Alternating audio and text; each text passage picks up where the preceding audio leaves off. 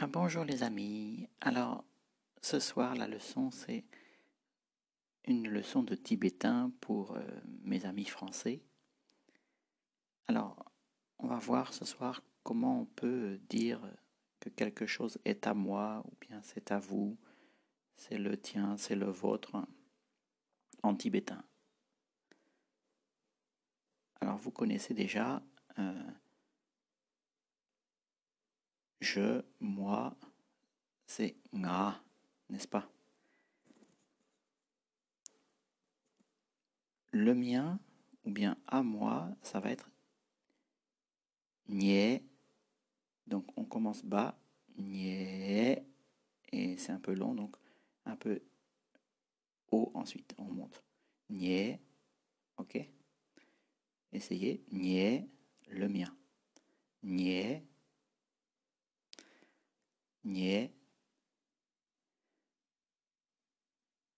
Un petit exemple. Une bouteille, on dit Chetam, Chetam. Cette bouteille, Chetam dit, parce que le démonstratif, hein, c'est dit. Donc, Chetam dit. Shetam dit niere. Ou Shetam dit niere. Sans monter tellement. Voilà. Cette bouteille est à moi. Ou c'est ma bouteille.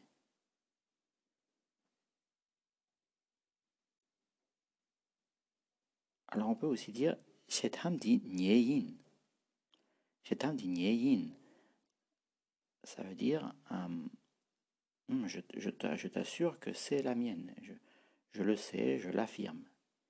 Chetam dit nie yin. C'est vrai que yin, normalement, c'est pour quelque chose qui est personnel. On n'attribue pas à un objet qui n'est pas nous-mêmes. Mais dans ce cas-là, on peut dire Chetam dit nie yin. Si, si, c'est la mienne. Je te confirme, c'est la mienne, je te l'affirme. Voilà. Sinon, normalement, c'est Chetam dit nie dit niere. Alors on a vu récemment, on a parlé des peignes. Alors un peigne, c'était gyukshe, gyukshe, gyukshe. Ce peigne-là est à vous. Gyuchete,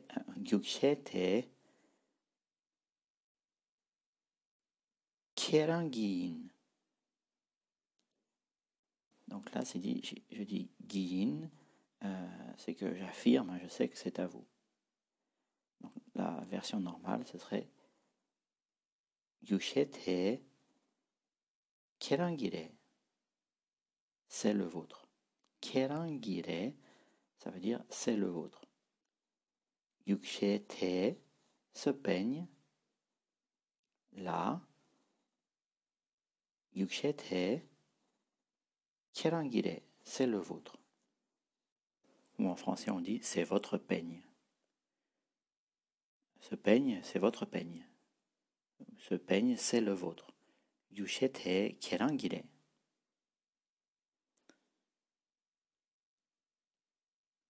Alors essayez maintenant de dire euh, ces photos sont à lui. Alors photo c'est par, c'est un ton haut, par. Alors vous vous rappelez peut-être que euh, c'est le démonstratif pluriel, c'est dinzo. Donc ton bas, ton haut, dinzo. Et lui, c'est ko, euh, pardon, ko, ton haut, hein. ko, et honorifique kong Alors qu'est-ce que ça donnerait? Ces photos sont à lui. Oui, c'est ça. Partinzo kure ou pardinzo kongire. Très bien. À vous. Pardinzo kongire. Ou bien pardinso kere. Donc, quelle est la différence entre kongi et que? Voilà, le premier c'est honorifique et le deuxième non honorifique. Formel. Euh, c'est kong et informel. Ko. Maintenant, si on veut affirmer que c'est bien à lui, pardinso kongiin. Pardinso kongiin, on est sûr que c'est les siennes. Voilà, on l'affirme. Alors, il existe un honorifique pour par, mais il n'est pas très utilisé. Si vous voulez connaître, c'est kupar. Kupar. Ça ferait kupartinso kongiin. Ou bien kupartinso kongire. Mais à mon avis, si vous savez juste dire par, ça suffit. Pardinso kongire. Ce sont ces photos. Alors maintenant, on va voir le pluriel pour dire à nous ou bien les nôtres. Vous connaissez nganso, nous. Donc les nôtres, ça veut dire nganse, les nôtres, hein, ou bien à nous. Ngansere, ngansere, ngansere, les nôtres. Cela, c'est les nôtres. Tenso, ngansere. Tenso, ngansere. Donc pour dire ces bureaux sont à nous, bureau c'est les Kong, les Kong, donc ces bureaux, les Kong Tenso, ngansere, les Kong Tenso, ngansere. Ce sont nos bureaux, c'est nos bureaux, euh, ces bureaux, ce sont les nôtres, ou bien ces bureaux sont à nous, en français, tout ça, on dira en tibétain, les kuntenso nansere.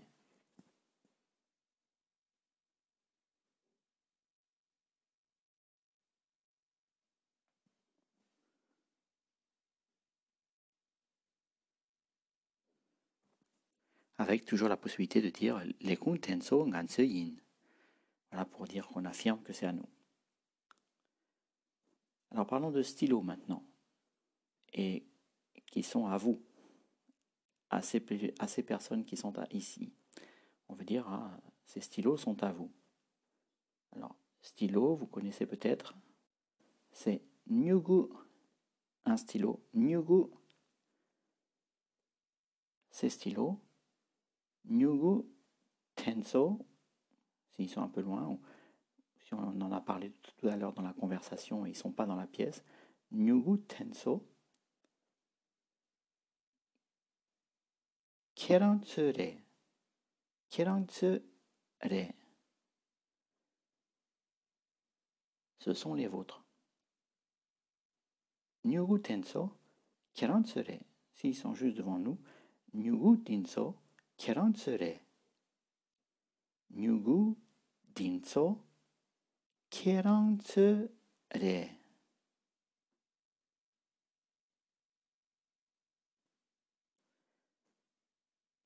kerantsure. évidemment, si on veut dire, on affirme que c'est à eux, Nyugu Tenso Kiransu Yin.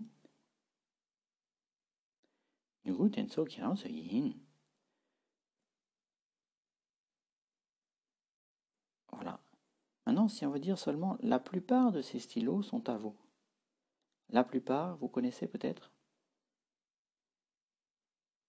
Manche alors à l'écrit, ça s'écrit Mangchewa, mais on ne dit à l'oral que Mangche, donc c'est plus pratique. C'est un peu plus court. Donc la plupart de ces stylos, ça va être Nyugu Mangche, Nyugu Mangche Sere. La plupart de ces stylos sont à vous. Alors, il existe un honorifique pour euh, Nyugu. C'est Chanyuk. Un petit peu plus courant. Chanyuk Manche. Kenam Tsure. Voilà, Kenam, c'est un honorifique pour Kerang, qui est déjà honorifique, mais un peu plus euh, relevé. Chanyuk Manche. Kenam Tsure à dire vrai, dans la conversation avec les Tibétains, en général, il est rarement utilisé. Maintenant, on pourrait dire euh, tous les stylos sont à vous. À la place de manche, on dira tsangma. Donc, essayez de faire la phrase pour dire tous les stylos sont à vous.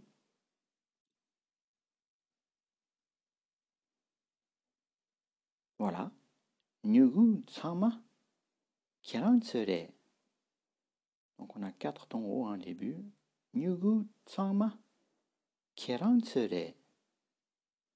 Et alors le Tsama, il est vraiment très haut, hein, ce ton. Nyugu Tsama, des fois un petit peu plus haut que même le, mot d'avant. Nyugu Tsama Tsure. À la place de Tsama, des fois on entend Chatsangma. Chatsangma, ça veut dire la totalité. Le tout. Donc. Voilà, tous ces stylos-là, ce sont les vôtres. Euh, les tiens. Kerangsere, les vôtres. Kerangire, les tiens. Alors, si on remplace euh, les stylos par des montres, une montre, c'est Chutsu toutes les montres sont à eux. Pardon, d'abord, toutes les montres sont à vous. Chutsu tsama kirantsure. Maintenant, si c'est eux, honorifique, Chutsu tsama kontsure. Compte, c'est donc euh, les leurs. Compte, en honorifique. Il existe aussi, hein, on, a, entendu tout à l'heure pour Kienamtso, Kienamtse. Donc là, il existe aussi Kongnamtse, un petit peu rare. Et puis, euh, l'informel, c'est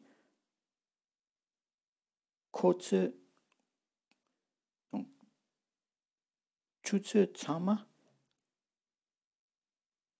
kotsu re, ou bien des fois korantsu re.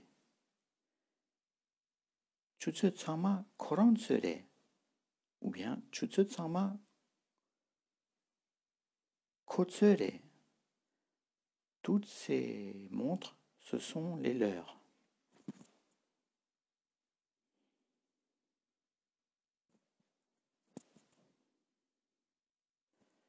Et bien sûr, hein, si on insiste, c'est Kotsuyin. Alors maintenant, comment on pose la question euh, à qui est-ce? Alors, la question qui, peut-être vous avez déjà vu, c'est sous, un ton haut, sous. Par exemple, qui est-ce?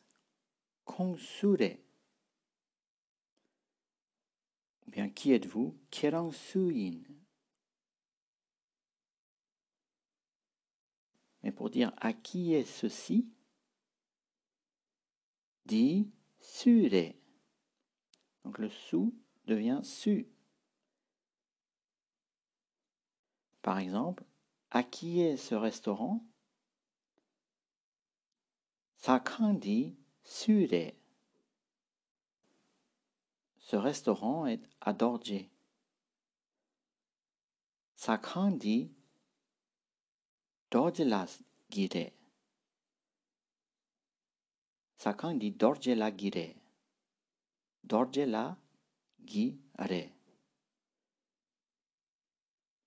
Dorjela, c'est Dorje, le prénom Dorje à l'honorifique, Dorjela. Donc, celui de Dorje, Dorje la re. Mais on ne répète pas sakang. Et on ne dit pas te, Dorje la te re. On dit Dorje la gire. Dorje la gire, c'est celui de Dorje. Sakang dit Dorje la gire, ça veut dire c'est le restaurant de Dorje. Ou bien ce restaurant est à Dorje. On repose la question maintenant. À qui est cette lampe? Shumar dit Sure. une lampe, c'est Shumar. Shumar dit Sure. Cette lampe est à maman.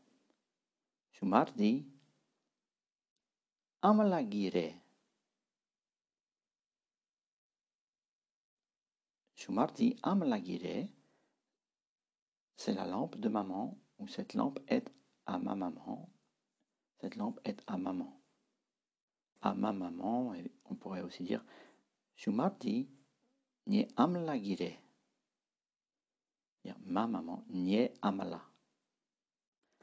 À qui est cette voiture-là? Voiture se dit Mocha. Là-bas, euh, là, Peggy, Peggy? Donc, Mocha Peggy, Sure, à vous. Répétez, Mocha Peggy, Sure.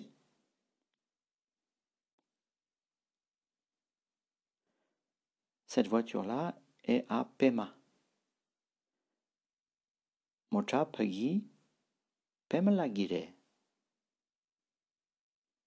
Pemalagire. Pemalagire.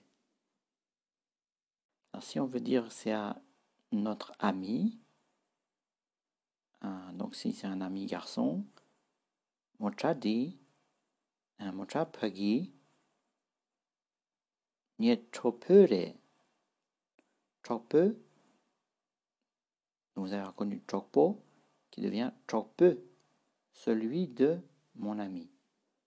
Chopere, chopere, bas, haut, bas, qui remonte. Chopere, celui de mon ami. Nie chopere, si c'est une euh, amie femme. Nie chome re. Chome re. Donc vous reconnaissez Chormo, une amie, Chorme, d'une amie ou à une amie. Mocha Pegi Nye Chorme Re. À vous.